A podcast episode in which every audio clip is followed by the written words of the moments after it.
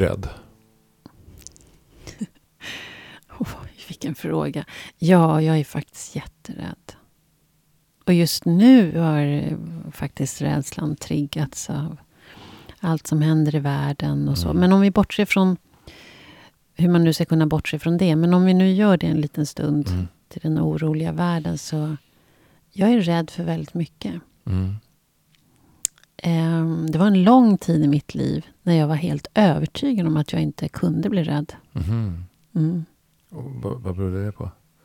Jag kände inte rädsla. Nej. Utan eh, jag hade kopplat rädsla till eh, handling. Alltså jag gick in och handlade och agerade, löste situationen innan jag tillät mig stanna och vara i rädslan. Mm. Så det gick väldigt fort, så att jag hann inte ens, ja, hann inte ens känna. Mm. Mm. Men, just, men nu för tiden när jag är så här gammal så, så tillåter jag mig att stanna och, och känna rädslan. Mm. Vad, Hur har det förändrat din, ditt liv? Liksom att, Det har fra, framför allt vad det har förändrat så har det förändrat min gränssättning. Mhm. Jag sätter mycket tydligare gränser Mm. idag. Sen finns det ju alltid situationer där man kan bli bättre och tydligare såklart. Men jag, det skulle jag säga att, att brist på att känna rädsla gjorde mig lite gränslös. Okej. Mm. Mm. I den bemärkelsen att jag gick med på saker som jag inte skulle ha gått med på. Och det kan hända fortfarande att jag gör det, att jag kommer på efteråt att nej, det där var en dålig... Det där skulle jag inte ha gjort. Det där skulle jag ha sagt nej till. Men, men generellt sett så har det lett till att jag... Min, för det, är, det, är, väl det som... Ilska och rädsla är väl där man känner sina gränser, tänker jag. Mm. Att i alla fall de signalerar att det här är inte bra. Mm. Stopp och stanna och tänk efter. Mm. Ja, är du rädd? Ja, definitivt. Eh, det är jag. Hade många fler frågor till dig egentligen, men okej. Eh, eh, jo, men jag, alltså jag, jag, jag skulle nog säga så här att, att eh, jag räknar rädslan till en del av min intelligens. Mm. Eh, alltså, om jag inte är rädd Mm. så, eh, så utsätter jag mig för fara på, på ett onödigt sätt. Och sen finns det ju alltså det finns en annan sorts rädsla, liksom som den neurotiska rädslan. Eh, om man är neurotiskt rädd för att sina barn ska bli utsatt för, no- för någonting och så vidare. Eh, den jag har, är rädd för... det- kan ju också vara såna här subtila saker. Man är rädd för andras ilska så att man börjar... Man, man, man, man är rädd för massor med saker så Ja. börjar man undvika det. Just det. Men jag tänker att, att vara rädd för andra, andra människors ilska, det kan ha sin... Det, det, det kan man eh, ganska lätt härleda till att personen kanske har varit utsatt Mm, eh, för, för det. Eh, men till skillnad om man eh, omvandlar rädslan till en fobi till exempel, Mm. eh, då är det någonting annat. Mm. Eh, men jag, tänk, jag, jag tänker att du sa så här att, att din rädsla gjorde att du blev... Att du inte satte gränser. Mm. Och min rädsla, framförallt i unga år, gjorde att jag satte väldigt hårda gränser. Mm. Eh, Som ung var jag väldigt eh, definitiv när det gäller vissa saker. Mm. Eh, och drog snabbt en gräns om jag kände att det, att det, eh, att det, att det gick in på min integritet eller att någonting hotade mig. Mm. Eh, och det kunde ha varit sant eller det kunde också ha varit så att det inte stämde faktiskt. Eh, och idag så är jag, eh, är jag, när jag är mer i kontakt med min rädsla Mm. så är jag mycket, gränserna går betydligt längre bort än vad det gjorde då. Mm. Vad intressant. Mm. Vi är Ja. olika Ulrika. Ja. Men jag, det, framförallt för mig när det gäller rädsla så var det nog eh, relationsorienterade gränser som var Ja. för mig svåra när jag inte kände min rädsla. Sen har jag varit väldigt extremt nästan värderingsstyrd. Så att jag har ju varit väldigt sådär, aldrig tagit droger i hela mitt liv. Mm. Aldrig ens testat. Jag har varit väldigt tydlig med massor med gränser. alkohol har vi druckit. Alkohol har jag druckit. Mm. Ehm, men, men jag tror att jag har varit väldigt gränssättande i, på det sättet då... Men relationer, alltså Ja, integriteten, precis. den har jag slarvat med. Och det handlade ju om att jag inte kände gränsen eftersom jag inte tillät mig att känna rädsla. Mm. Men din rädsla gjorde då att du var väldigt gränssättande. Och, och precis på samma sätt, fast det var tvärtom mot din, alltså just i relationen så var jag väldigt noga med att dra hårda gränser. Mm. Och ibland alldeles för hårt. Mm. Eh, Så blev ju jag då när jag började känna Okej. rädsla. Jädrar! Det var, eh, man skulle kunna kalla det för kontroll också. ja. Ja, Ja, att det, blev överdrivet. Ja, precis. precis. Mm. Och det är, det, det, är, det är en del av överlevnadsintelligensen. Liksom att, att, att hitta det här. Men sen gäller det att få kontakt med det. Mm. Så att, så att inte rädslan stä- ställer till det för en. Och det tror jag den gör väldigt mycket för många. Ja, Att man, eh, man gör saker som man inte ska göra för sitt eget bästa. För att man är så rädd för att känna saker eller eh, uppleva saker. Det kan allt från att andra är missnöjd med en eller att man inte blir älskad. Mm. Eller, alltså Mm. massor med rädslor som styr beteendet. mm. Det Mm. tror jag. Så att, att lära känna sin rädsla och bli vän med sin rädsla men också kunna ifrågasätta sin rädsla. det. Det tror jag, det tror jag kan vara viktigt. Jag tror det är helt avgörande. Eh, Alltså all, all medvetandegörande är ju av godo. Mm. Jag säga. Det finns nu nästan ingenting som inte skulle vara av godo. Men jag tänker så här, jag, jag ska försöka leda in den så småningom här på våran gäst. Eh, men eh, är du rädd för döden? Det har vi faktiskt pratat om förut. Ja. Och jag är... Om du frågar mig nu så är jag absolut inte rädd för döden. Däremot så skulle jag ju vara, är jag ju jätterädd för att få lämna mina älskade. Mm, mm, Det, är, jag- det är jag rädd för. mm, Jag är varsam om mitt liv. mm, Jag vill leva. just det. Men om det nu skulle komma, jag tänker faktiskt ganska ofta på det. Att om det nu, för min mamma dog ung. Mm, Hon var bara runt 60 och min mormor var runt 60. Så att det ligger väldigt nära mig att, att döden är här någonstans i krokarna. Mm, Eh, och jag tänker rätt ofta på att ja, men, nu är det, nu kanske, skulle det hända nu, vad, vad händer då? mm, Eh, att det kommer ibland till mig. Ehm, och att jag... Eh, nej, jag känner ingen rädsla alls faktiskt. nej. Sen vet man ju inte, när den dagen kommer, då kanske jag blir skitskraj, det vet jag inte. Men jag känner inte det nu. Är du rädd för döden? Eh, nu hade jag velat säga, säga ja då, då för att det skulle bli lite spännande här. Men Ja. nej, det, det är jag faktiskt inte. Jag är mer rädd, rädd för eh, om det blir en, en alltså fram till dö, dödet, dödens Ja. inträdande. Liksom. Mm. Alltså, eh, jag skulle nästan... Man vill inte ha någon jävla skitdöd liksom. Nej, precis. Man vill Nej. ha en... Nej, nej precis. det vill man inte ha.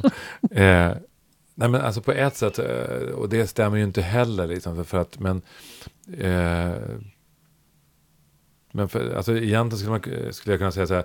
Jag skulle i så fall säga att jag är mer rädd för livet än för döden. Mm. Ett, för att döden har jag ingen aning om eh, vad som sker. Mm. Eh, eh, men, och jag är inte rädd för livet heller, men livet är ju någonting för mig att, att förhålla mig till och, Mm. och att eh, navigera i. Verkligen. Eh, och, och, och det finns en hel del grynnor som ligger under vattnet där. Liksom. Eh, Verkligen. Men när vi pratar om det så kan jag nog vara rädd för vägen till döden.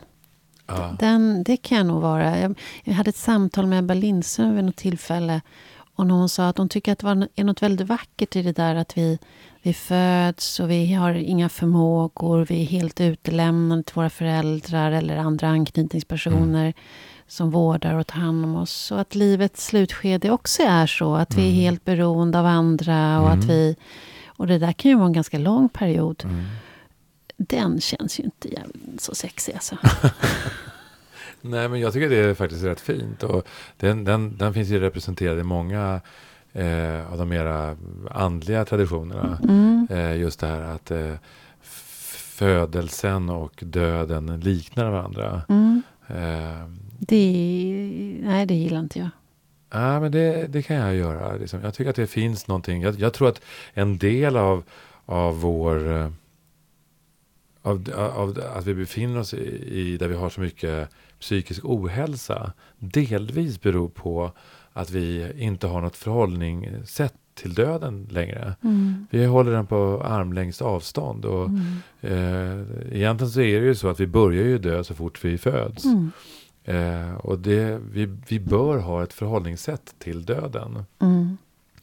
på ett eller annat sätt. Eh, och inte... Eh, Vi bör ha ett förhållningssätt ja, till döden. ja. Mhm. Vad, vad, vad reagerar du på? För, men har vi inte det? Ett förhållningssätt?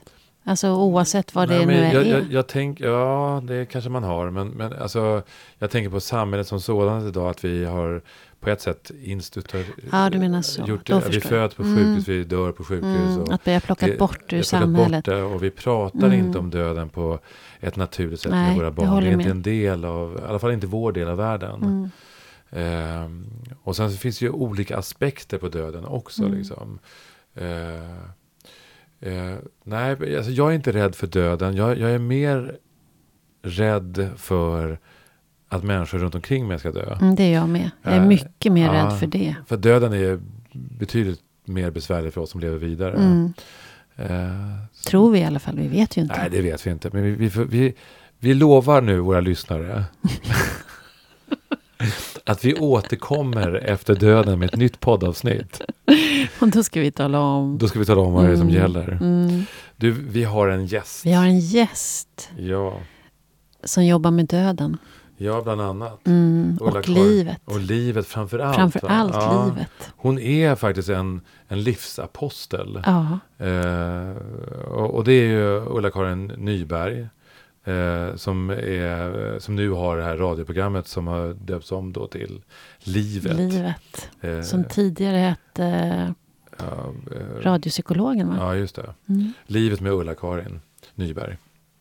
Eh, och eh, hon är psykiatriker och hon är onkolog. Hon har skrivit ett antal böcker, eh, inte minst Konsten att rädda liv, om att förebygga självmord. Mm. Hon är eh, ja, är bland våra eh, största specialister eller Mm. experter just på suicidprevention. Mm. Ehm, och hon har en hel del att säga om livet, misstänker jag. Mm. Det ska bli väldigt spännande. Jag går och hämtar henne. Ja, bra. Välkommen Ulla-Karin Nyberg. Tack så hemskt mycket. Väldigt roligt att ha dig här i Poddmogna. Tycker jag också. Mm. Ja, men jag tror att vi kör igång på en gång. Har du mognat något den senaste tiden? Ja, vad är mognad? Jag känner mig faktiskt ganska barnslig. Jag har fått barnbarn, mitt första. Så att jag leker så mycket. Jag passar honom ofta. Så att den sidan av mig har fått ta större utrymme. Men jag funderade på det här med mognad, vad det egentligen är. Eh, Och det är ju så jag lär mig i alla möten. Och jag har ju bara möten med människor som är hårt drabbade. Jag lär mig alltid någonting nytt. Mm. Och det är en form av mognad. Men jag tror att jag har fått syn på mig själv i lite högre omfattning. Jag känner mig egentligen aldrig drabbad. Mitt utgångsläge är att jag är privilegierad och att mitt liv blev mycket bättre än vad jag hade trott. Mm.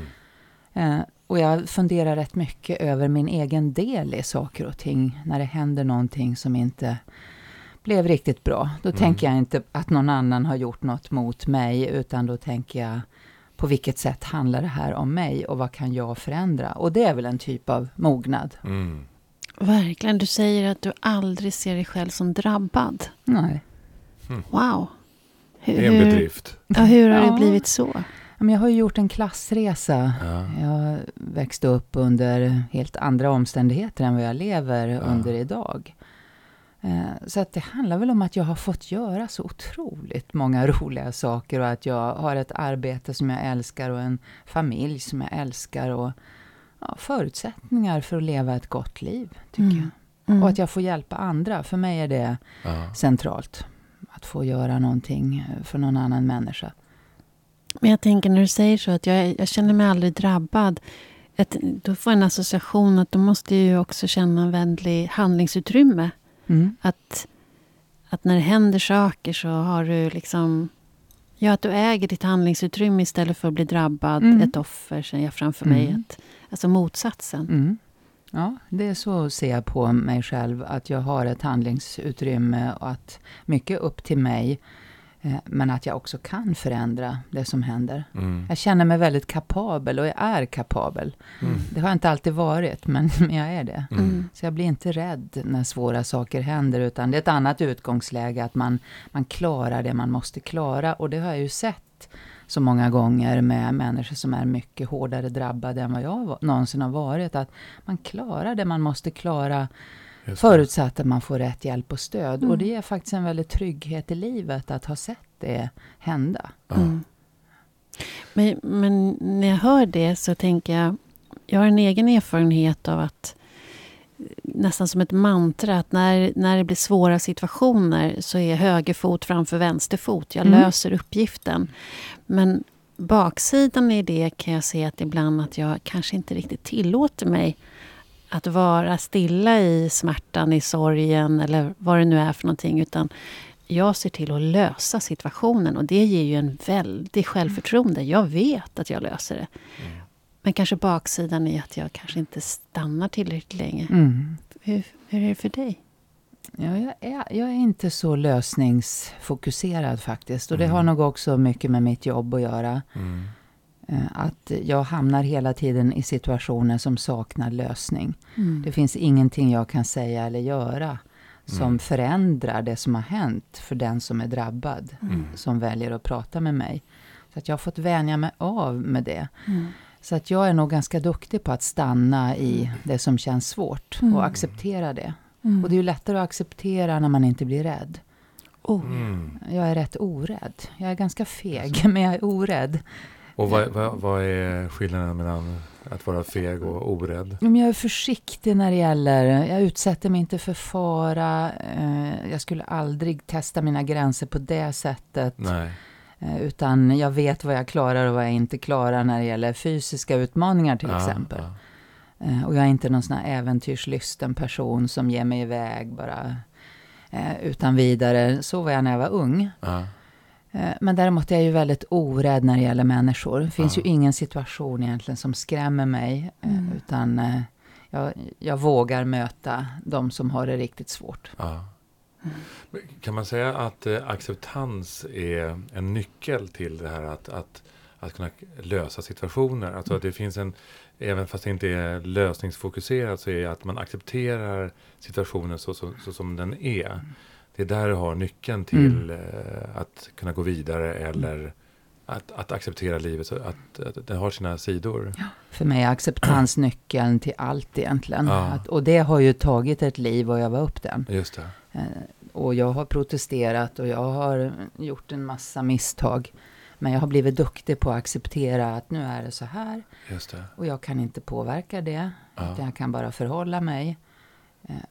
Och det ger också en trygghet faktiskt. Att inte vara så förändringsbenägen. Och Mm. tänka, hur, ska, hur kan jag lösa det här? Vad kan jag göra annorlunda? Utan nu är det som det är. Ja. Jag kanske Mm. väntar ett tag så får vi se. Det är ofta mitt utgångsläge. Mm. Jag väntar en stund. Just det. Att vara i det där tillståndet bara. Av. Ja. Mm. Mm. Mm. Det låter häftigt. Ja, det är eftersträvansvärt. Det är ju liksom Mm. hela eh, idé, det är en väldigt existentiell eh, förhållningssätt Mm. till, till livet. Ja, det är det. Eh, Verkligen. och eh, att se vad som, vad, vad som uppstår Ja. av att bara vila i situationen. ja. Ja, Om jag sitter still en stund och Ja. känner efter, får se vad som händer. Och det, det. det kräver ju också att man betraktar sig själv och sina reak- reaktioner med eh, ett visst mått av intresse Ja. och engagemang. Just Att man inte Mm. sätter igång och klandrar sig själv för olika saker. Mm. Jag är 62 år snart, så att det har tagit ett antal år. Ja. Men jag har lärt mig otroligt mycket genom att betrakta mig själv med intresse. Mm. Så intressant att jag reagerar så här. Jag undrar vad det beror på. Istället för, jag borde verkligen inte reagera så här. Jag borde skärpa mig. Ja. Och det, ja, det där lär jag ut när jag träffar unga kollegor. Att man, Mm. Det lönar sig att öva på det. Just det. Och så- För ibland blir det ju fel. Ja. Ja, jag tänker också det där klassiska, man inte är sina tankar utan att man noterar dem och konstaterar hur de låter där inne. Jaha, och så kan Mm. de få, få åka förbi som ett fisksten bara. Mm. Just Man fångar ju inte varje enskild fisk utan man bara ser dem glida förbi. Ja. Det- är en sån här metafor som jag, en patient som lärde mig det, tycker jag är väldigt bra. Ja. Mm. Både tankar och känslor kan få åka förbi som ett fiskstim. Och, och när du då möter människor som är upptagna av sina tankar. Vi är ju rätt många som, som är det. Mm. Som kämpar med liksom, saker som har blivit oss pådyvlade eller trauman och så vidare. Hur, eh, vad, vad är, hur bemöter man dem? Är det också acceptansen och, och varat som är Mm. nyckeln in? Som Ja. är in, ja. Ja, det är ingången. Jag tänker ofta, hur ska jag nå fram? Hur ska jag, vad är nyckeln för att hitta in till det som finns bakom allt det här? Mm. Ehm, och det, det tycker jag är väldigt spännande och Mm. där väcks min nyfikenhet. Och det blir ofta väldigt lugnt Just det. när vi pratar på det sättet. När vi släpper åtgärdsfokuset. För Mm. de kom, mina patienter kommer ju ofta med en beställning till mig. Jag vill att du ska se till att det blir bättre för mig. Ja, och när de ja. förstår att det är ett uppdrag jag inte kan åta mig. Nej. Men jag stannar här Mm. tillsammans med dig Ja. och så får vi se. Eh, Då hittar man nästan alltid bakom. Just det.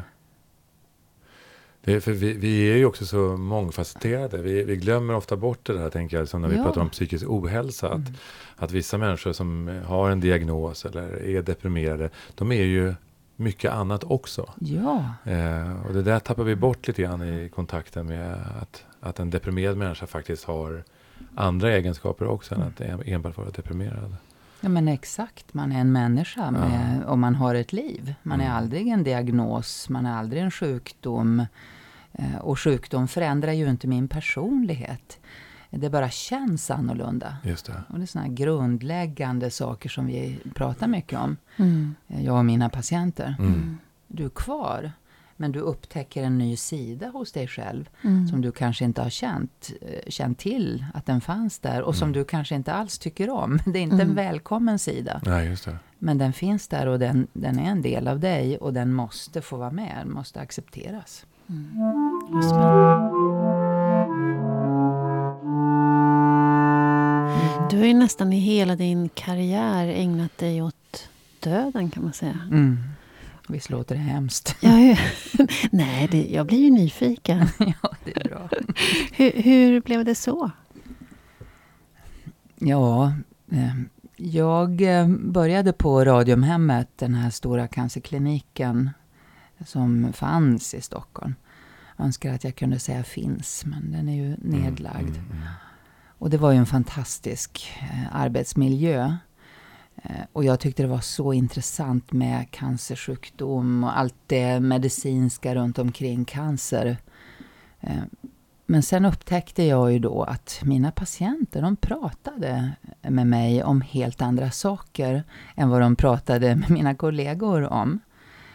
Och fast jag var så ung så började jag fundera, undrar vad det här beror på? Att man berättar för mig Mm eh, om sina innersta tankar, om sina, sin rädsla för döden, vad man tror händer efter döden, sin personliga tro. Mm. Eh, Och jag insåg att det var någonting som jag bjöd in till. Mm.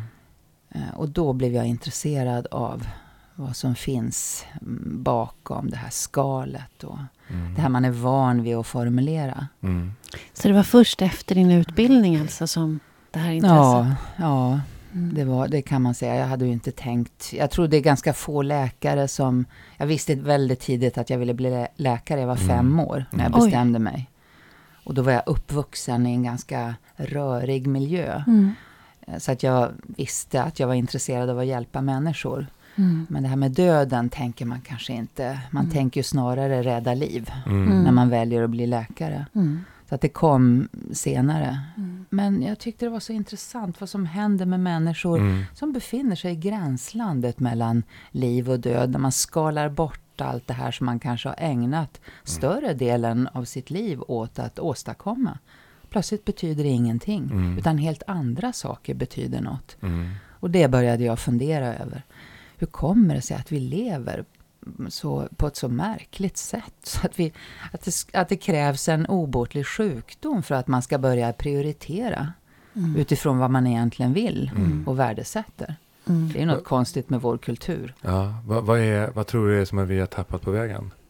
Men jag tror vi har tappat det här. Vi är så mycket human having, alltså det handlar om att skaffa sig. Aha. Eh, Att, eh, att, vara, att prestera, eh, att få saker. Istället för det här med human being, att vara, Mm. att utvecklas, att bli. Att hitta värden i livet som betyder någonting. Mm. Så jag, jag träffar så många människor som är utan riktning. De har förlorat riktningen i Mm. sitt liv. Och det gäller också eh, i, i professionen. Om man inte minns vad man har för professionella värderingar. Vad är skälet att jag valde det här jobbet till Mm. exempel? Om man inte kan svara på det, Mm. ja, då ökar ju risken att man hamnar i en situation som man inte alls trivs i. Mm. Mm. Och i Sverige blir man ju då sjuk Mm. och Mm. sjukskriven väldigt ofta. Istället för att fundera över att det här passar inte mina värderingar. Alltså kanske jag ska byta arbetsplats eller byta umgänge eller Mm. välja på ett annat sätt. Mm. Så vi är lite obegripliga för oss själva, Mm. tycker jag. Men det låter som att vi saknar vissa färdigheter då. Ja. Att, att till Ja. problemlösning och liksom lite mer flexibelt tänkande. Det här är inte bra. Vad kan då vara bra Mm. för mig? Och istället springer vi på tills vi blir sjuka. Mm. Är det så? Ja, jag vet inte om jag skulle kalla det problemlösning egentligen. För jag Mm. anser nog att vi är väldigt duktiga på just problemlösning Mm. och åtgärder. Mm. Det finns alltid en självhjälpsbok man kan läsa. Vi, vi, Det har du rätt som, har vi ett problem, ja då, då skaffar vi oss en lösning. Mm. Och så förväntar vi oss att vi ska må bättre. Mm. Och så blir vi väldigt ofta besvikna då. Mm. Eller känner oss totalt misslyckade. Jag läste ju den där självhjälpsboken och det. ingenting hände. Nej. Så jag tänker det vi, det vi är sämre på är att just stanna i problemet, känna efter, låta det vara så här, tänka Mm. det här har ingen lösning just nu. Mm. Jag måste vänta och se och så kanske jag måste prata med någon. Mm. Och så kanske det känns bättre Mm. om ett tag. Mm. Eller inte. Mm. Och då kanske jag måste fundera. Kan jag förändra någonting? Mm. Men vi är rätt snabba med det där. Så det stanna upp. Det Ja. där som jag har problem med. Det är det som är Mm. något gemensamt jag har med många andra. Jag Ja. tycker det, det är ju... Det är ju i, I mitt arbete när jag möter många chefer i deras dilemman så kan jag uppleva att det är ju bland de finaste stunderna när man tillåter sig att stanna. Inte, utan bara vara i det som är... Det finns ju någon, det finns ju någon slags värme där. Mm. Att, Verkligen. Att det är okej och Mm. att... Eh, alltså när man går ner från huvudet Mm. vi är huvudfotingar som springer och ska lösa saker och ting. Ner till bara känslan Mm. och vara där. Mm. Alltså, man ska nog också ha respekt för att i det varat så finns det också rätt mycket rädsla och rätt mycket saker som vi Oh, kan ja. möta som, som kan göra oss rätt rädda och en känsla av att man vill dra därifrån fortare Mm. än kvickt. mm. Absolut, jag Eh, tänker mer när man mm. delar. Ja. När man får vara Ja, ja, i ja. gemensamhet. I alla fall är det min erfarenhet. Men man ska verkligen ha respekt för det, att det kan vara läskigt att möta Ja, sitt det. inre. Och att man inte behöver ta allt på en gång. Att Nej. man kan ta det lite stegvis. Eh, För man kan bli väldigt rädd. Ja. Och det är inte alls konstigt. När, jag, när jag pratar om meditation eller när jag undervisar i meditation så är det ofta så att, eh, att jag ofta säger det här att, att till en början med så kan det vara en slags lyckokänsla. Det är ett lyckorus att meditera först. Men efter ett tag så kan det bli lite obehagligt. Därför då möter man liksom sitt inre eh, i det här, eh, i den chimär som man tror att meditationen är i stillhet. Det är ju rätt mycket som händer i meditationen. Så är det just att man möter vissa eh, delar av en själv som kan vara, som kan, man kan få rätt hög puls Mm. eh, under perioder. Mm. Och sen så hittar man ju sätt att förhålla sig till, till det också. Ja. Mm, Jo, och man kanske blir helare då. just det. Eh, För, för just de här okända sidorna antar jag att man möter i Ja. meditation. Jag har inte mediterat själv, men jag tycker det låter så spännande. Mm, Och det är ju inte heller alltid bra. Det gäller ju att veta Mm. när man orkar, när man Mm. tål verkligen. att möta sig själv. verkligen. Ibland behöver man lägga sig själv åt sidan. Eh, Mm. Och de som inte kan det, jag jobbar ju med människor som inte kan lägga sig själva åt sidan. De som har social fobi till exempel, Mm, ja. eller de är extremt upptagna av sig själva hela det. tiden. Och det är väldigt påfrestande. Ja. Vi behöver kunna lägga oss, oss åt sidan ibland. Mm. Jag läste någonstans att du sa att eh, det här med att bygga upp eget motstånd, att det gör du. I, alltså motstånd i den bemärkelsen att klara av press och stress och utsatthet. Att det gör man genom att misslyckas och ta sig upp igen, se Mm. andra misslyckas. Om vi kallar det för misslyckade, det var fel Mm. ord, det var inte det Mm. jag menade. Men bryta ihop, Mm. eh, utsättas för utsatthet på Mm. olika sätt och att, att eh, bidra till andras, eh, när andra är där. Mm. Men att det gäller att våga också och hamna där för att kunna bygga den här motståndskraften, styrkan. Precis. Det finns ju en föreställning om att man blir stark genom att inte misslyckas, genom att välja rätt. Mm. Det möter jag jätteofta hos Mhm. unga människor. Mm. Att det är bråttom att välja rätt. Det ska kännas rätt hela Mm. tiden. Jag måste veta att jag har valt rätt. Och livet består ju av en serie val som ibland blir rätt och ibland blir riktigt ordentligt fel. Mm. Eh, Så att jag, jag tänker att man verkligen bygger sin motståndskraft genom att falla och resa sig. Mm. Och se andra göra likadant. Mm. Och förstå att det här är att vara människa. Så Mm. här är det för alla. Mm. Mm. Men det är vi lite dåliga på att dela med varandra. Just det, våra misslyckanden. Ja, våra misslyckanden, Ja. våra fall. Ja, Mm. Och kanske också att vi kunde resa oss just det.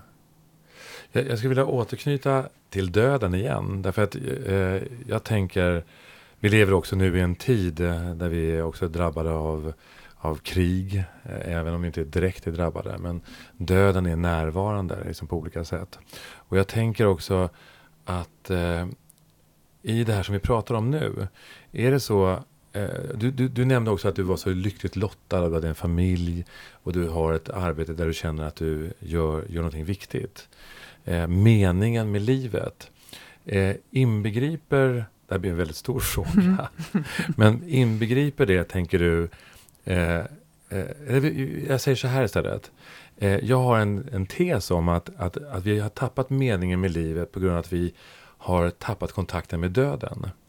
Att vi tror att döden är en personlig förolämpning men att det är liksom en, en naturlig del av att leva. Eh, att vi ska dö. Sen är det saker som händer på vägen som kan vara olyckligt och som du, inte minst du håller på med. Eh, men kan det va- finnas någonting i det att, att det som vi, den tiden som vi lever i nu eh, där det är så mycket stress och psykisk ohälsa är bland annat på grund av att vi tappat kontakten med döden och därmed också meningen med livet. Mm. Men jag tror faktiskt det är så. Jag tycker om Thomas Tranströmer har ju skrivit Mm. någonting om allting som är viktigt. Och det här med att kostymen sys i det tysta, att man Ja. har döden närvarande.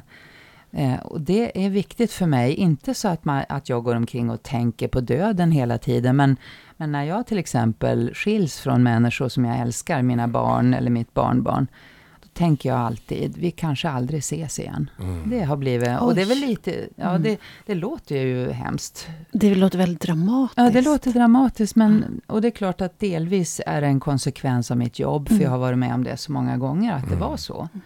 Men för mig har det slutat att vara hemskt och, och istället blivit till en realitet som hjälper mig att prioritera. Mm. Jag skulle aldrig någonsin skiljas från mina barn i vredesmod till exempel. Mm. Eh, eller från någon annan som är viktig för mig. Mm. Det gör inte jag, därför jag prioriterar annorlunda. Jag tycker Mm. det där... Och det är väl kanske också någonting som handlar om mognad, för det har ju tagit många år. Mm. Och det handlar om vad kan jag påverka? Hur, vad kan jag påverka i det som händer eh, mellan dig och mig? Mm. Om det nu är sista gången som vi möter varann. För det är så många jag har träffat i mitt yrkesliv som berättar för mig att sista gången vi pratade så bråkade vi. Och Ja. jag sa en massa taskiga saker och nu är det för sent. Jag får aldrig chansen att ta tillbaka Ja. det. Det är ju hemskt. Ja, det är fruktansvärt. Va? Visst är det fruktansvärt? Och då, då frågar jag Som en, en mardröm. konst... Ja, det är en mardröm. Eh, men då- jag tänker så här. Eh, är det verkligen för sent bara för att den andra personen har, har avlidit? Ja, men det är ju en spännande, väldigt spännande fråga. För Ja. det, det handlar väl också om att eh, acceptera sin egen oförmåga och försonas med den. Mm. Att det, jag tror mycket på att försonas med Ja. det som inte har blivit bra. Mm. Så jag tror inte, om jag då hade bråkat med någon som sen dog, Mm. så skulle jag nog inte klandra mig själv och tänka att allt är förstört. Mm. Jag tror att jag har arbetat upp en förmåga till försoning. Att det där Mm. var inte bra, men allt det här andra väger tyngre. Men det är en, i sin tur en konsekvens av att jag har funderat så mycket över vad jag prioriterar. Mm. Så att det, det är lättare att försonas med sin oförmåga när man är klar över vad man prioriterar. Mm. Och vad man kan göra och vad man inte kan göra något åt. Mm. Och jag tänker att det är en väldigt hög grad av medvetenhet också, Mm. hela Mm. tiden. Mm. Jag minns en känsla som jag hade när mina barn flyttade hemifrån. Jag fick en sån, nästan som en uppenbarelse i hela kroppen att nu kan jag dö. Jag vill absolut inte dö. Jag vill leva jättelänge, Mm. älskar att leva. Och har aldrig varit på gränsen till att haft den typen av tankar. Men det blev som en, av, som en frihetskänsla i hela kroppen. Att det är som en vila. Mm. Jag kan dö nu. Det var lite grann som att ja, men nu är jag inte livsviktig. Nu, Ah. det, nu är inte... Li, mina barns liv står inte och faller med mig. Utan de kommer att klara sig. Även om inte jag finns här. Och jag minns, det var ju väldigt få i min omvärld som förstod vad jag pratade om. De tyckte det var jättekonstigt och läskigt. Och det var inget läskigt alls. Det var snarare lite lyckokänsla i kroppen. Men jag förstår precis det. Nu är jobbet klart på något Mm. sätt. Och nu släpper jag taget, men ändå finns jag ju där. Ja, Men att, klart. att se, att ha en vuxen relation till sina Ja, barn, det är ju häftigt. Ja, Mm. Mm, Det tycker jag också är en lyckokänsla. Och man får lite mer tid. mm. Och man får li- ja, men det är alla möjliga saker som gör att man kan ägna sig åt sig själv i lite högre omfattning. Absolut, absolut. Och det kan man ju unna sig. Det är ju ingen Ja. motsatsförhållande. Nej. Men jag tycker just den här att livet är förgängligt. Eh, det, det, finns, det finns något härligt i det också. Mm. Att det är precis som du säger, när du lever så starkt med den känslan, då blir dina prioriteringar så tydliga. Och jag tycker, jag, jag tror mig också kunna leva med den känslan att det är, det är en väldigt kort tid. Vi Mm. knallar runt på det här klotet. Verkligen. Det är, och det är, en, det, är en, det är en tid som jag kan välja. Antingen tar jag vara på den eller så gör jag inte det. Mm. Och det är ett val varje dag. Mm. Och att den blir... Det finns en väldigt härlig känsla i det, Mm. tycker jag. Jag brukade, vi hade någon, någon hemsk undervisning som kallades för Dödenpanelen för, för läkarstudenter på den gamla goda tiden. Ja. Och då pratade vi, jag tror att det var första terminen och vi pratade om döden. Var det Monty Python som Olika. hade den kur- kursen? Ja, precis. Och det var olika professioner då. Eh, Och jag minns att jag brukade fråga läkarstudenterna om det fanns ett piller eh, som gjorde att de fick evigt liv. Skulle de då ta det pillret? Eh, Och unga människor svarar nästan alltid ja. Jaha. Eh, Och jag skulle tycka det var förfärligt med ett sånt Verkligen. piller. Ja. Och det är, ju, det är ju verkligen en mardröm att, bli, att få evigt liv. Ja.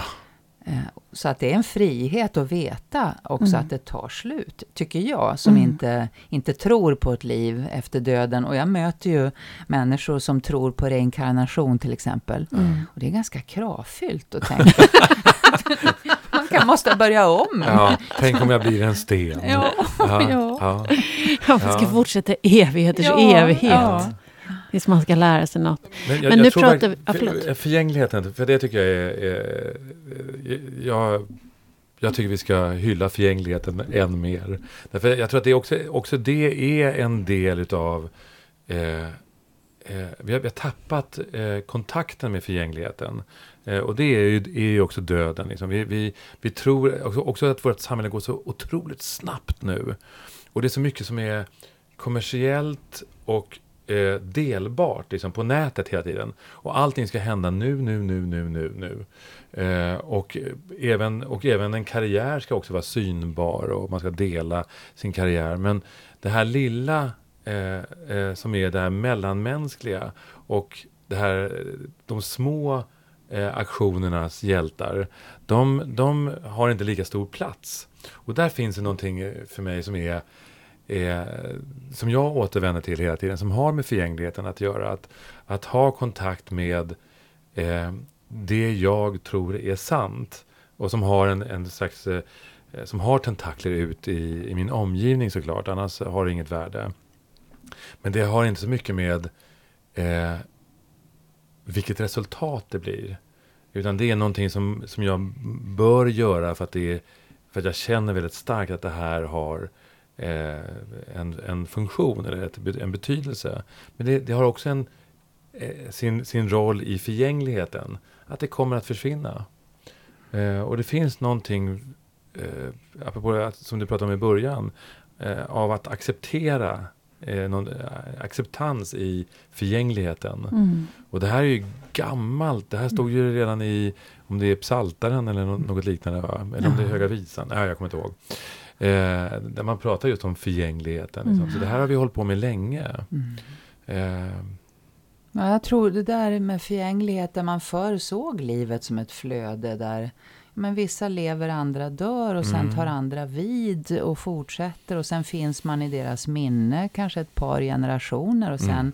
försvinner man helt och så kommer någon annan. Alltså för, för mig är det en väldigt vilsam tanke. mm, Jag tycker det är vackert att tänka att några kommer att minnas mig och sen kommer jag vara glömd. Mm. Men då har andra tagit vid. mm, Eh, Så att förgänglighet är nog, eh, det, det pratar vi kanske lite för lite om. Det, ja, den dimensionen av förgänglighet. ja, Jag tänker det också.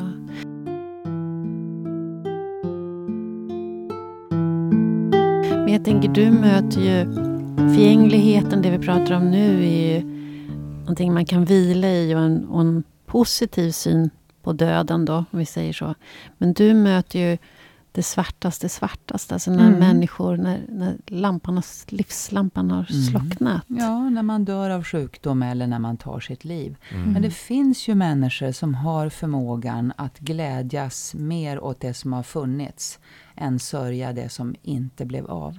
Det Mm. finns sådana människor. mm, Och det blir alltid lika imponerad över att man kan till exempel skriva en livsbok eh, om den som har tagit sitt liv. mm, Så att man hittar tillbaka till livet mm, mitt i den ofattbara sorgen. mm, För mig är det ju alltid så att livet och döden finns parallellt. mm, Man har en väg mot döden, en väg mot livet. Och så är det lite grann tillfälligheter som avgör vad som väger tyngst i stunden. mm. Och det är ju där vi kommer in, vi, vi människor som står bredvid. Att man kan alltid förstärka själen att leva hos någon. Mm. Genom goda möten, Mm. genom goda samtal, genom ett, ja, men lite vänlighet. Mm. Mm.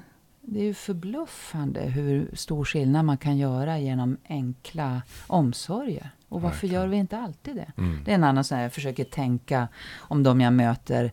Eh, Jag är ju verkligen inte någon Moder Teresa-typ som springer fram till alla som verkar ha det svårt, för det kan man inte göra Mm. i en storstad. Men jag försöker tänka att jag vet ingenting om den jag möter. Mm. Den personen kan precis ha fått veta att de har en svår sjukdom Mm. eller deras barn kan ha dött eller vad som helst kan ha hänt. Mm. Och då kan jag åtminstone försöka vara lite vänlig. Just det. Inte avreagera sig på andra människor för det kan göra så stor skada. Det kan bli ett trauma i traumat. Mm. Sen lyckas man ju inte alltid förstås. Men det är bra att ha lite Det kan bero förbättrings... på att du är människa. Ja. Ja. Mm. ja, precis. Det, det, det- är så ja, hårt. ja. Hårt att säga det, jag ber om ursäkt. Jag ber om ursäkt. Men, men jag tänker så här, om du säger att du, du tror att när döden inträffar, då är det slut. Jag tror så, ja. Ja. Mm. Det finns ingenting eh, på, på, på något plan av att vi lever vidare. Jag tror inte det. Nej. Nej. Jag är väldigt klar över, eh, över det. Ja. Eh, För egen del. Och Ja. jag funderar inte så mycket på det. Det är ett Nej. område som jag, jag är ganska ointresserad av döden. Vilket låter konstigt. Eftersom jag jobbar med döden enbart. Men det, jag är det. Och det Ja. har varit lätt för mig. Eller det underlättar mitt jobb. Ja. Att jag kan säga det. Att jag vet ingenting om döden. Det vet inte du heller. Mm. Men vi vet ju väldigt mycket om livet. Så vi kanske kan jobba med det du och jag. Exakt. Det spelar fint. ingen roll om livet kommer att bli kort. Jag pratade med en patient som jag nu fick veta har dött. Mm. En svår sjukdom. Eh, Och sista gången hon och jag pratade med varandra, då pratade vi om livet. Mm. Vi pratade inte om att hon skulle dö. Mm. För det har, vi, det har funnits där som en, ja, men ett ämne för oss. Mm. Och det har vi redan pratat om. Just det. Och det är så fint att Mm. livet finns ju till dess att, man, att det inte finns längre. Mm. Och då kan man prata om det. Men bara om man också vågar prata om döden. Mm. Om det oundvikliga. Mm. Inte låtsas att det ena inte finns. Nej.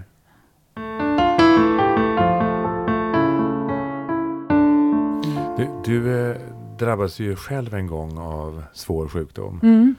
Eh, och eh, hur, hur, var det? Att, att, att, eh, att befinna dig på den sidan? Ja, det var ju intressant. Jag fick bröstcancer och behandlades 2019 med hela den här tuffa behandlingen som mina patienter går igenom och som jag har jobbat med i 25 år.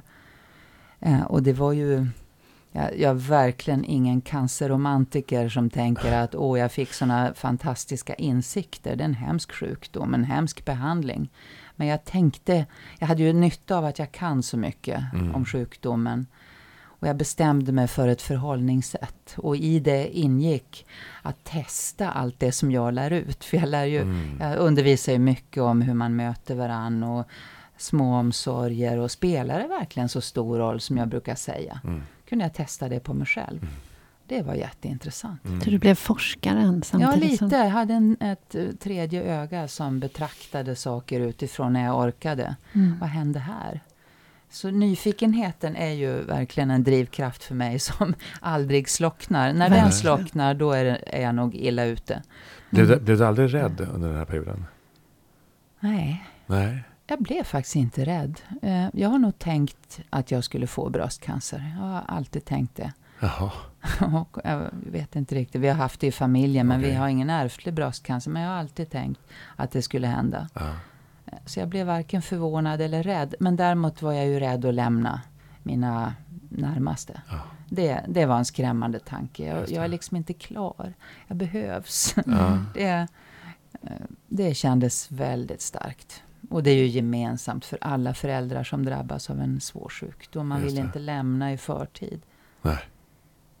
Men jag var inte rädd. Jag är, in, jag är faktiskt inte rädd för döden. Och det har jag alltid sagt. Men det kanske man inte kan säga med trovärdighet förrän man har stått i dödens väntrum. Ja. Eh, och det gjorde jag ju. Ja. Men jag var inte rädd för egen del. Vad, vad, vad skiljer den? Du, du säger att jag ville ju inte lämna. mm. Eh, och och det, det är min erfarenhet av de som jag har haft omkring mig som har gått bort. Är att ända in i det sista, de vill inte lämna. Vad skiljer den som vill lämna och den som inte vill lämna? Vad är den där... Vad händer där? Mm, jag tror egentligen inte att man vill lämna eh, någonsin.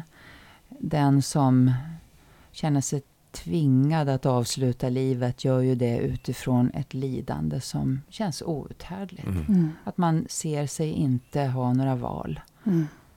Och den känslan tror jag aldrig man kan förstå fullt ut om man inte själv har befunnit sig där. För att det strider så emot vår biologi. Mm.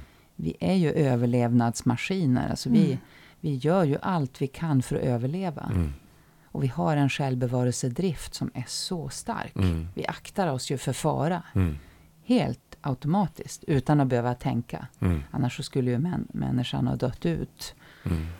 Så att de som eh, släcker ut sina liv, Mm. de gör det för att lidandet är så fruktansvärt. ohyggligt. Mm. Ja, ohyggligt. Jag tänker också att eh, genom mitt liv så har jag haft rätt mycket död runt omkring mig. Från tidig, tidig ålder. Eh, och de flesta har ju faktiskt varit ganska ångest, ångest, eh, ångestdödar, om man Mm. kan säga så. Men det har också funnits några som har varit så här, nej men nu, eh, du, du pratar inte om suicid här, utan jag pratar om att någon tjej säger så här, ja, nej men nu räcker det. Jag är nöjd. Ja. Jag kan lämna nu. Eh, och det är, eh, det är otroligt fascinerande. Ja. Eh, och innan jag var med om det så, så har har jag bara läst om det eh, i tibetanska livs och dödsboken som jag faktiskt rekommenderar vare sig man är, tror på reinkarnation eller inte. Eh, därför den är verkligen, verkligen spännande apropå hur man kan möta döden och, och förhålla sig till döden. Eh, men så kom jag på att du har berättat någon historia om någon nära släkting till dig va? Som var... Mm. Jag har varit med om en sån resa, suttit Ah. bredvid i, och följt min morfar var det. Som, alltså det bara, det var bara kärlek Ja. kvar. Det var bara, och han i dödsögonblicket också, för då hade han varit i medvetslös ett par dygn. Då bara vaknade han till helt klar i blicken, så Mm. bara tog han min hand och sa hej du Ulrika. Det var helt Ja. magiskt. Nej, men han, var, han var färdig. Och det är väl Ja. det som är drömmen. Det är väl dit man själv Ja. hoppas få vara. När den dagen kommer. Men att man kan bli livsmätt. Och det Mm. kan man ju verkligen förstå. Mm. Man kan bli livsmätt. Jag, har Mm. också en, eh, det, jag började fundera mycket över det när en kompis till, jag har tre söner, en Mm. av sönernas kompisar kom hem. Han hade en jättenära relation till sin morfar. Och morfar, när han närmade sig slutet, han hade samlat alla barnbarn för att berätta för dem vilket fantastiskt liv han hade haft. Och hur lycklig han var över sitt liv. Eh, Och, det, och då var sorgen Mm. på något sätt målad i ljusa färger Mm. för den här unga pojken då. Att morfar hade hjälpt honom att se döden som någonting fint. Mm. Mm. Kopplade ihop tacksamhet och död. Mm. Det tyckte jag var så fantastiskt. Det Mm. tänkte jag, så ska jag göra. Mm. Det har jag också tänkt. Så ska jag också göra. Det, det finns ju de som har haft, eh, sina, eh, haft en, eh, sin begravningsfest innan de Mm. eh, dör. Eh, om det, är- hade väl en, det var väl en offentlig sån alldeles nyligen. Ja, precis. Mm. Eh, och, och egentligen vill jag, säga, eh, vill jag belysa det på två sätt. Med, en med en fråga. Det ena är att, att det finns något vackert med den här festen när man tar farväl och visar sin tacksamhet. Men så finns den andra sidan då när man har eh, när man bestämmer sig för att nej, nu ska jag dö och jag ska få assisterad eh, ett assisterat självmord. Va, va, vad säger du om det? Vad tänker du om det? Ja, jag tänker på två olika sätt egentligen. Som privatperson kan jag ha stor respekt för människors val. Att man kan hamna i ett läge när man inte tycker att man har någon annan utväg. Eller Mm. man vill inte längre, man orkar inte längre. Så kan man tänka. Det är ofta fullt begripligt Mm. i efterhand. Men som professionell är det också så viktigt för mig att alltid stå på livets sida. Jag tror Mm. att de som kommer till mig om jag skulle ha inställningen att ja, men du, du kan ta ditt liv, jag kan inte göra någonting åt det, det är upp till dig. Mm. Och jag tycker det är helt okej, om jag hårdrar det lite grann. Mm. Då skulle det påverka hur de pratar med mig. De vet Mm. att jag står på livets sida och de känner stor trygghet i Mm. det. För tar man sitt liv så är man ambivalent. Mm. Det är aldrig så att man bestämmer sig och sen genomför man självmordet och sen är det klart. Utan man står och väger. Jag vill inte dö, jag vill bara inte leva som Mm. Ann Heberlein skriver. Mm. Mm. Och min inställning påverkar det valet. Så egentligen är det två olika situationer. Men jag ansluter mig till livshjälp och, Mm. och att vi satsar all kraft på att lindra och trösta och utveckla sådana metoder. Mm. Så att man- Även när det gäller människor som, har, som är drabbade av, av svår, svår sjukdom. Jag tycker som vård, alltså som Ja. hälso och sjukvård, så Mm. måste vi ha den Ja. inställningen att jag kommer inte göra någonting för att förkorta ditt liv. Eh, Men jag kommer göra allt jag kan för att du ska leva så väl som det går. Ja. Mm. Det, det är ändå för mig en, stor skillnad att Ja. jag skulle ordinera någonting i syfte att avsluta livet för någon. Mm. Eller att jag kanske avbryter en livsuppehållande behandling, för det kan man ju göra Mm. i syfte att lindra och trösta. Mm. Men syftet får inte vara att döda, tycker jag, Nej. när man Mm. jobbar i hälso och sjukvård. Mm. Nej. Men det Och- där är en stor, stor, stor diskussion. fråga, Och man ska och inte den- moralisera. Jag är så noggrann med att man Mm. inte kan moralisera över människors val på det sättet. Nej. Men vi måste ha en tydlighet när det gäller vissa saker, Ja. Mm. anser jag. Ja.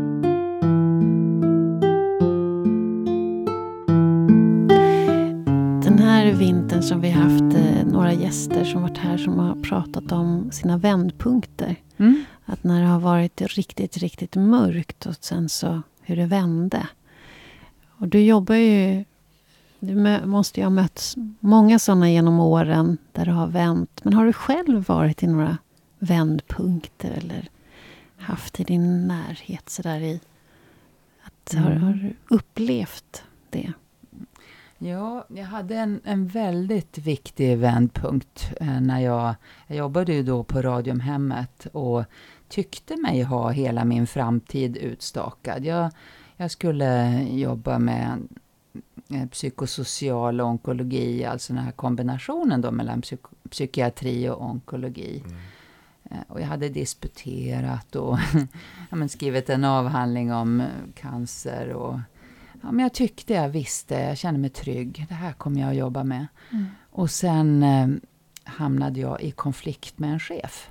Mm. Eh, som inte kunde, ja vi kunde helt enkelt inte samarbeta. Mm. Mm, och hon såg mig som ett hot. Mm. Och det kallades in en konsult eh, och som skulle hjälpa oss att reda ut det här.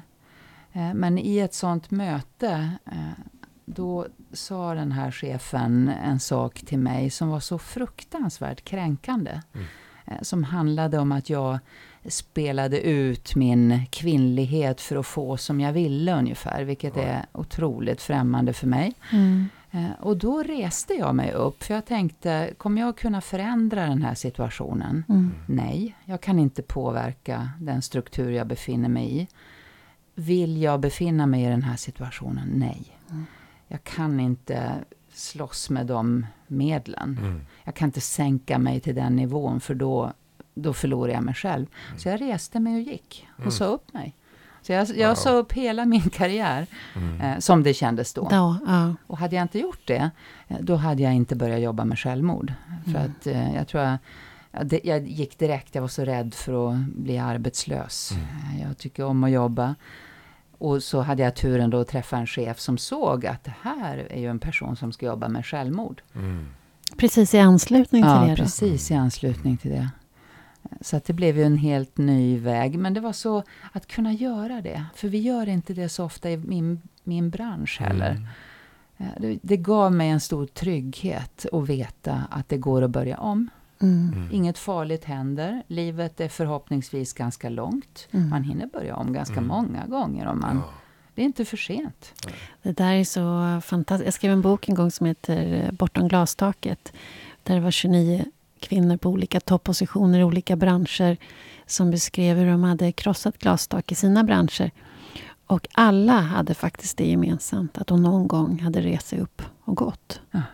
Och att det, det var väldigt, för de flesta var det väldigt dyrt där och då Ja, och kostsamt på ma- många olika sätt. Ja. Men långsiktigt var det en jättevinst. ja.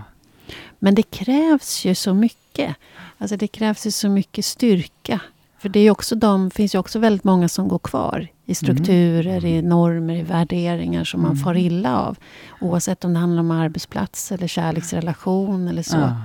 Var har du fått din styrka Nej, men ifrån? jag tror egentligen inte att det handlar om styrka för min del. Utan det, det handlar om att jag, tack vare många erfarenheter jag har, har blivit så medveten om mina egna gränser. Att jag har jobbat mycket med mig själv när det gäller var går min gräns? Mm. Hur vet jag att min gräns är på väg att passeras? Och när jag vet det, då måste jag göra någonting. Mm. Jag kan Mm. inte förvänta mig att någon annan löser det Mm. eh, åt mig. Mm. Och det där var verkligen en gräns. Ja. Mm. Och det är en konst att känna sina Ja, gränser. ja det, Eh, jag Det tänker, krävs lång utbildning. Ja, det krävs ja, lång det krävs utbildning. Men det, krä, verkligen. men det, det är också, jag tänker på, jag tänker på din barndom. Mm. Eh, eh, där måste du, du har blivit väldigt respekterad. Eller? Alltså jag, å ena sidan hade jag ju en sån roll att Ja. jag, jag blev respekterad för jag var duktig. Jag, jag var, hade många vuxna som tyckte mycket om mig. Mm. Många vuxna. Jag var en snäll liten flicka som ja, men, gjorde mitt bästa och var duktig på lite olika saker. Ehm, Så på det sättet blev jag respekterad. Å andra sidan fanns det andra delar av mitt liv där jag inte alls blev respekterad. Och det tog mig lång tid att börja respektera mig själv. Ah, faktiskt. Jag, Ja. Under en lång period hade jag ingen riktig självrespekt. Nej. Utan, eh, ja, jag respekterade inte min kropp eller min, ja, mig själv faktiskt. Nej, nej. Eh, under några sårbara år, Mm. som ju de flesta människor har. Mm. Men det gjorde också att jag lärde känna mig själv eh, och lärde känna mina gränser och lärde mig att respektera mig själv på ett sätt som är väldigt hållfast. Ja. Det kommer inte att förändras. Jag, nu, nu, har jag, nu vet jag var jag står eh, och jag vet definitivt var mina gränser går. Mm. Och hur känns det för dig när gränsen börjar närma sig? Hur känns det i din kropp? Ja, eh, det, jag känner ett väldigt starkt obehag. Mm. Och ehm, då kommer också den där blicken utifrån in att eh, här, jag kan säga till mig själv att det här är ju inte du. Mm. Det här är ju inte den Mm. du vill vara. Nu är det någon annan som försöker tvinga dig in i någonting som inte är du. Och det kan du inte gå med på. Mm. Så jag litar mycket på min magkänsla. Mm. Det är nog magkänslan som styr mig. Om jag ser tillbaka på mitt liv, tillfällen när jag har gjort våld på min magkänsla, Mm. har det alltid blivit dåligt. Mm. Alltid. Jag har en enda gång blivit överfallen av en patient till exempel och det hade kunnat sluta riktigt illa. Men det var när jag satt och försökte vara duktig. För att det fanns andra krav på mig.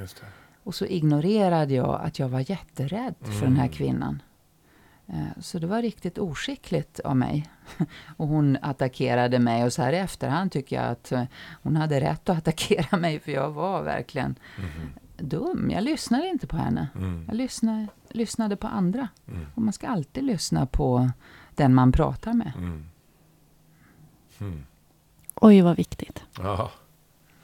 Mm. Man ska alltid Ja. lyssna på den man pratar med och sig själv. Mm, Och sig själv, ja. Ja. Det måste vara ett samspel. Det måste finnas en ömsesidighet.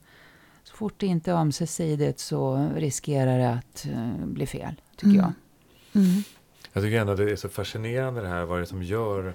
Eh, I ditt sommarprat så berättar du om hur du har tagit hand om din mamma som under perioden inte mådde så bra och så vidare. Och, eh, och för dig har det... Du, du har också berättat att du, när du var fem år så visste du att du ville bli läkare och så vidare. Och, eh, och jag, tänker, jag, jag, jag, jag, jag avkräver inget svar nu alltså egentligen. Utan jag tänker alltid, vad är, vad är det som gör att för dig blev det så här lyckat? Och för någon annan med ungefär liknande eh, situation eh, så blev det inte alls lika lyckat. Mm. Och jag tänker alltid, vad är, vad, hur, hur, hur hårfint det är ändå liksom, mellan det som blir lyckat och det som blir mindre lyckat. Och jag undrar alltid, vad är, vad är det som gör det här? Vad är det som Vad är gör receptet? vad är receptet? Mm. För, Ja, eh, ja det, det där är ju en jätteviktig fråga. Jag tror, för min egen del så tror jag att det var så att jag förstod intuitivt någonstans. Å ena sidan fick jag ju bli vuxen tidigt, Mm. för jag hade ett väldigt stort ansvar.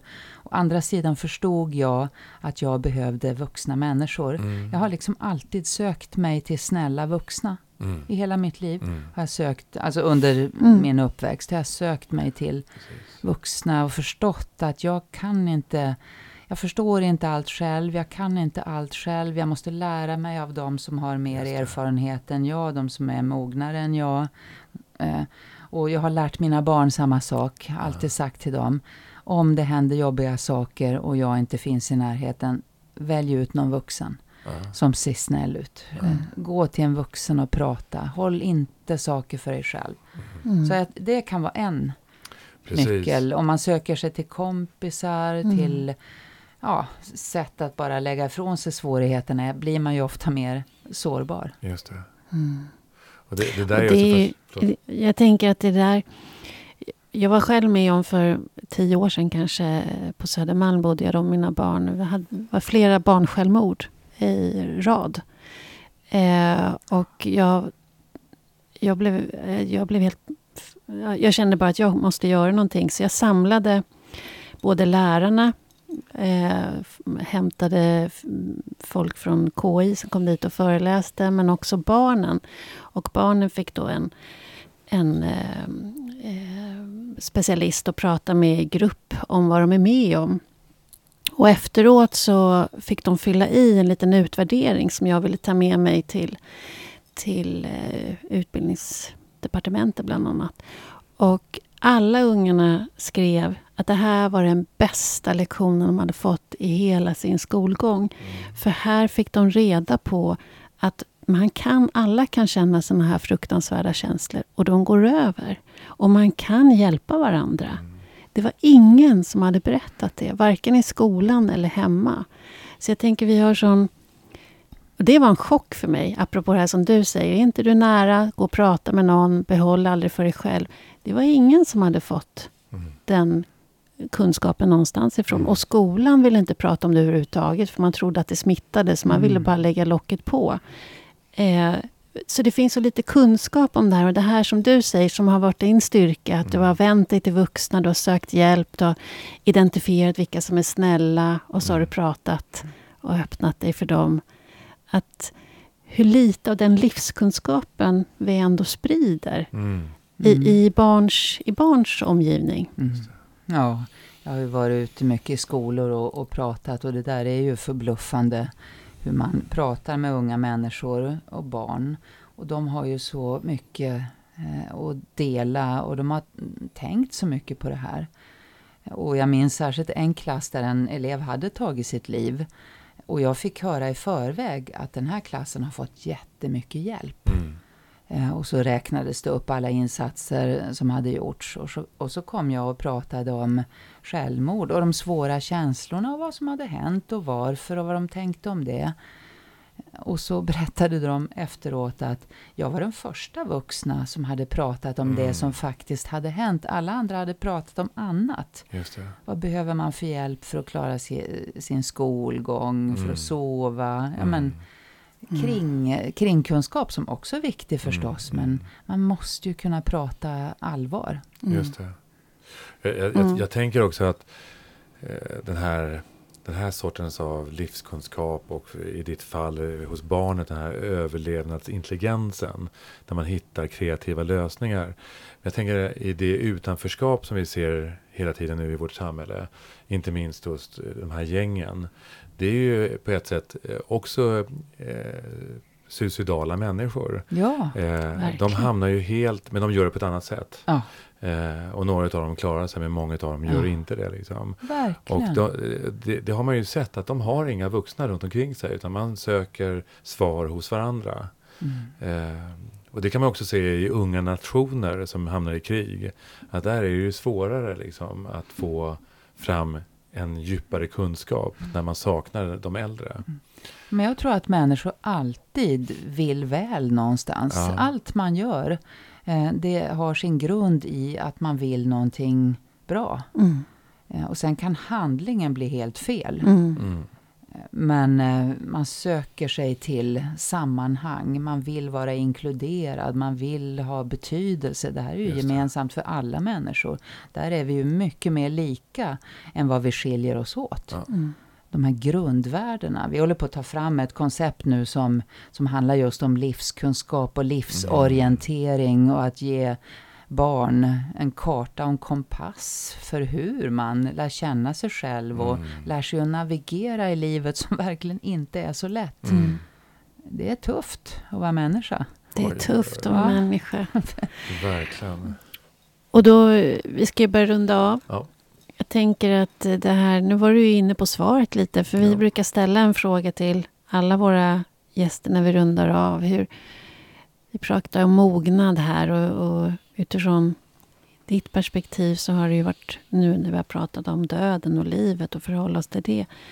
Men hur, hur tror du behövs för att vi ska öka mognadsgraden eller den psykiska hälsan i vårt land? Ja, jag, jag är rätt övertygad om att vi måste börja väldigt tidigt med, redan med barnen och prata om livsvärden och lära känna oss själva, våra egna verktyg, våra känslor, våra tillkortakommanden, våra styrkor Mm. och vara mer realistiska i synen på oss själva och på andra Mm. och få lära sig att dela med varann. Så Mm. jag, jag tror det är grunden.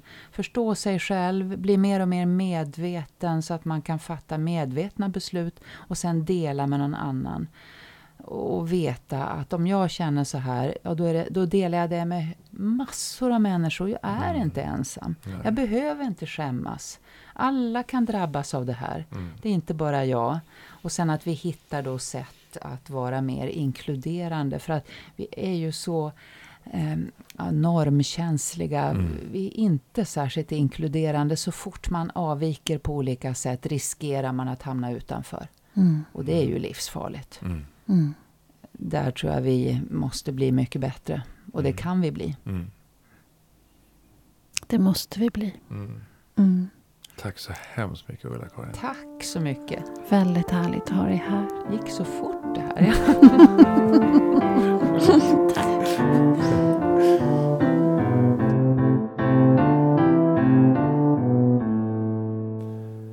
Tack Ulla-Karin Nyberg. Tack. Ja, vilket samtal. Ja, verkligen. Och vilken... Ja, men en, en ynnest att få vara i ett samtal med, med henne. Mm. Vi Och- borde haft eh, en förlängd version nu på Mm. fyra timmar. Mm. Fyra timmar poddmogna med Ulla-Karin. Ah, vad hade du pratat om? Vad hade du fördjupat? Ja, men allting Mm. e- egentligen. Mm. Allting. Mm. Att stanna vid, vid varje av de här stora ämnena som vi eh, liksom gled över. Mm. Eh, och ändå att det var vissa bitar i mig som, där, där jag kände en skälvning. Mm. Eh, att, att jag blev be, berörd. Mm. Mm. Eh, Jag tar med mig det här med att den här nyfikenheten. Att Ja. hon har sån förmåga. Att, och, och som hon berättar att hon verkar ha haft nästan sedan barnsben. Mm. Eller i alla fall var min tolkning. Men oavsett när hon började eller inte. Det här med att ställa sig utanför sina tankar att, och känslor. Att nyfiket utforska och registrera och notera Mm. att eh, nu känner jag så här. Mm, Vad kan det mm. komma sig av? Kan jag vara med och påverka den här situationen?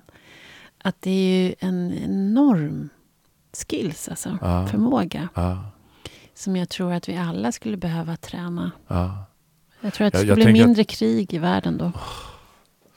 Vi, det- vi ska inte prata om det nu. Nej. För att det pågår ett just nu. Det Mm. skulle ta Mm, få inte. slagsida. Men Mm. jag, jag tänker eh, att just nyfikenhet är, tycker jag, eh, överhuvudtaget i livet. Mm, Eh, apropå mognad och, och Mm. åldrande. Att, att så länge, jag, jag kan känna mig fortfarande enormt nyfiken på livet. mm, På allt. Det finns så otroligt mycket att utforska. mm. Och det hoppas jag att jag ska få leva med tills jag trillar av pinn. Mm. Ja, det hoppas jag med att du får göra. Och du då? Nej, det räcker nu eller? Nej, det bara slog mig nu. Ja, tack Ulrika, tack. Nej, men det slog mig att nyfikenheten släcks ju när du eh, känner dig väldigt hotad. Alltså när Ja, du får det. ångest, när du Mm. blir väldigt rädd eller när du är väldigt arg. Så försvinner ju din Mm. nyfikenhet. Du får ju ingen syre till hjärnbarken. Nej, Den- eh, så det krävs ju att du är en viss balans för att kunna känna din nyfikenhet. ja, precis. Och, och jag tänker på hur viktigt det är att, eller viktigt, men att, att kunna förebygga, att kunna eh, lite grann påverka sin situation så jag får behålla min Ja, nyfikenhet det. och ta ansvar för Ja, att jag men det- känner nyfikenhet. Det är ett arbete varje dag. Mm. Varje, varje andetag är ju faktiskt ett arbete i att försöka, att försöka ja, fördjupa tillvaron på ett eller Mm. annat sätt. Mm. Och det pratar hon ju också om, det här med vila. Att Mm. vila i, i nuet. Liksom. Ja. Det är lite hemligheten. Och sen hade hon ju, sen, sen sa ju hon också väldigt bestämt att, att när vi dör så trodde hon sen att eh, där tog det slut. Ja, Ja, jag hörde att du ville ställa lite frågor kring det. ja men då blir det ju liksom teologiska hörnan. men det, det är också... Det, Blir du provocerad av det? Nej, inte alls. Inte alls. Verkligen inte. Utan hon svarade på ett sätt också genom att sä- säga att, eh, att hon var upptagen av livet. Och, och att lösa saker och ting här och nu. Liksom. Det, det var ju det som var det viktiga. Mm, Ja, men hon var också väldigt bestämd med att det, hennes bild är att det händer absolut ingenting när vi slocknar. Ja. Mm. Men, men det vet hon ingenting om. Jag ser att du blir lite provocerad. nej, pro, provocerad blir jag absolut inte. Nej, det blir jag inte. Men, alltså, Men du tror någonting annat. Du har en annan bild, du har en annan men jag- sanning. nej, ingen sanning. Jag håller, jag håller inte på med sanningar Jo, det, vi håller på med subjektiva sanningar hela Det tiden. kanske det gör. Men nej, alltså jag har inget svar på eh, livet eh, efter döden inte. Eller något sånt där. Nej, jag är, egentligen så är jag i, princip också ointresserad av det, därför att jag är så upptagen av livet. Ja, Men- nu sa ju inte hon att hon var ointresserad. Hon sa att hon hade, Ja, hon hade en uppfattning. Ja, men jag sa att Men du jag... är Ja, jag sa ointresserad. att jag la till ett också där. Okej. Jag försökte få med, jag försökte rädda Ulla-Karin där från skärselden. nej, nej, nu får vi skärpa till oss. nej, nej, men alltså, jag, där ställer jag mig agnostiskt inför vad som händer efter döden. Liksom. Mm, där, mm. Det vet inte jag, men jag har Mm. en känsla av någonting annat också. Ja, men Ja, men kan man få en det, rad innan vi lägger på? eh, ja, det var bara punkt, punkt, punkt, punkt, punkter. Nej, nu ger vi oss. Okej då. Tack för idag. Tack. Hej då.